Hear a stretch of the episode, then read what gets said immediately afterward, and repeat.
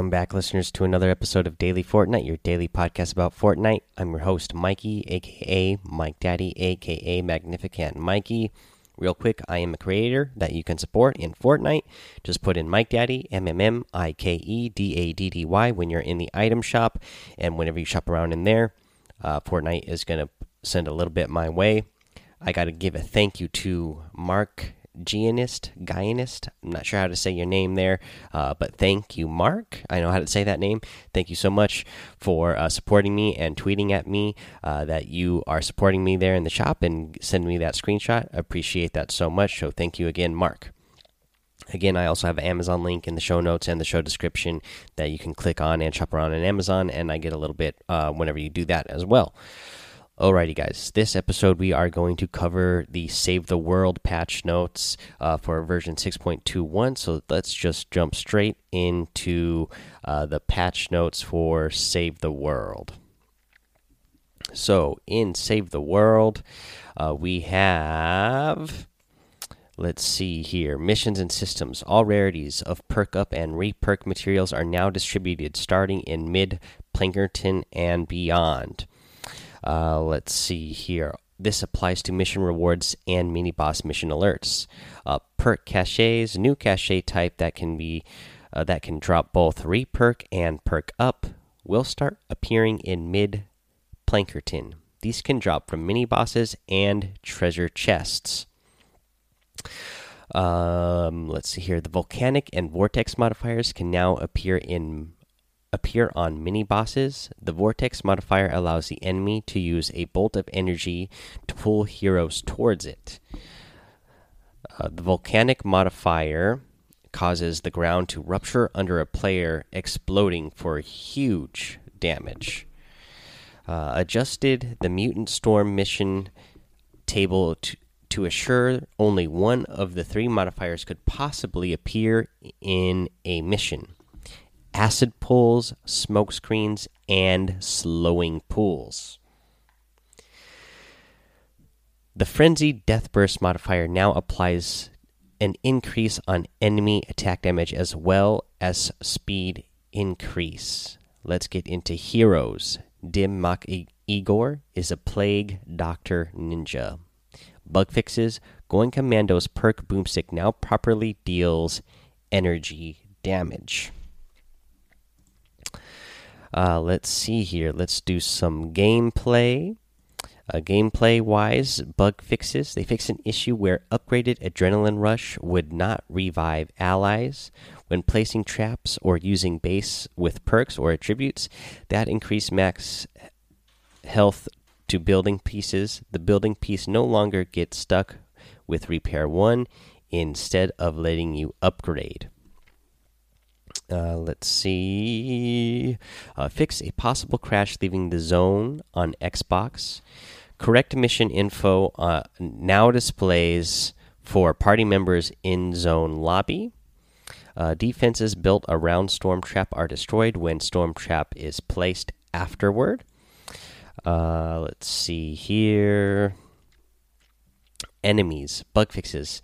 Uh, the Taker now properly pushes players out of the way with swoop attack. The outline for pumpkin headed husks now appears properly.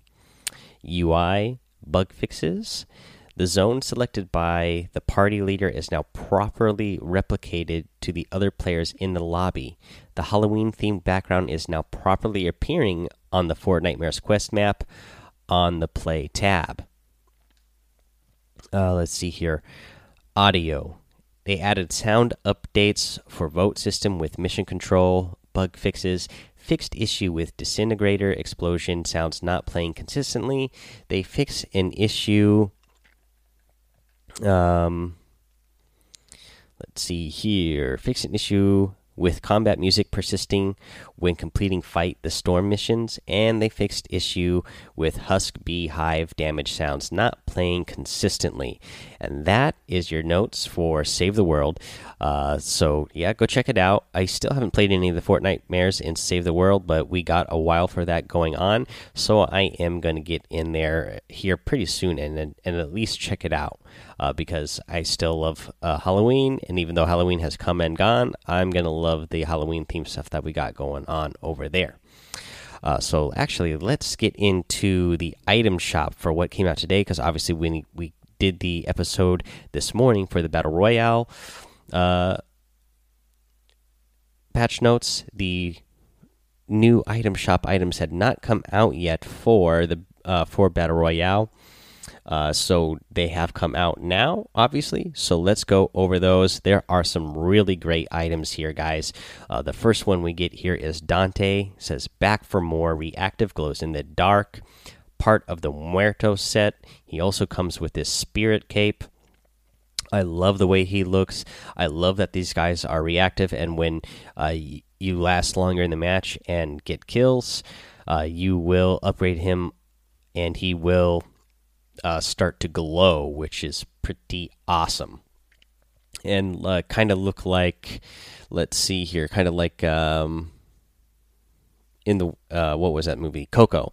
That my that is my son's favorite movie whose name is also Dante. So that's what another reason why I like this and uh, this uh, outfit. My son my youngest son his name is Dante. This outfit is named Dante. Uh, his my my son's favorite movie is Coco and these are very you know definitely remind him of Coco so he's a fan of it so I'm definitely a fan of these the other one that we get in here is a Rosa. Uh, again, also uh, a reactive uh, outfit here. She comes with the Calavera out uh, back bling. Big fan of this one as well. Uh, let's see. We also they have uh, in the in this set you also get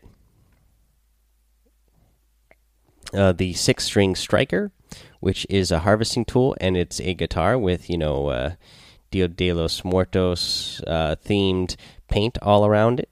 Uh, so I am loving that one. And then you get this spirit uh, glider, and it is like a spirit guide owl. Pretty pretty good uh, looking glider actually. So I, I, like that one a lot. It's also reactive, so uh, yeah, that's pretty awesome.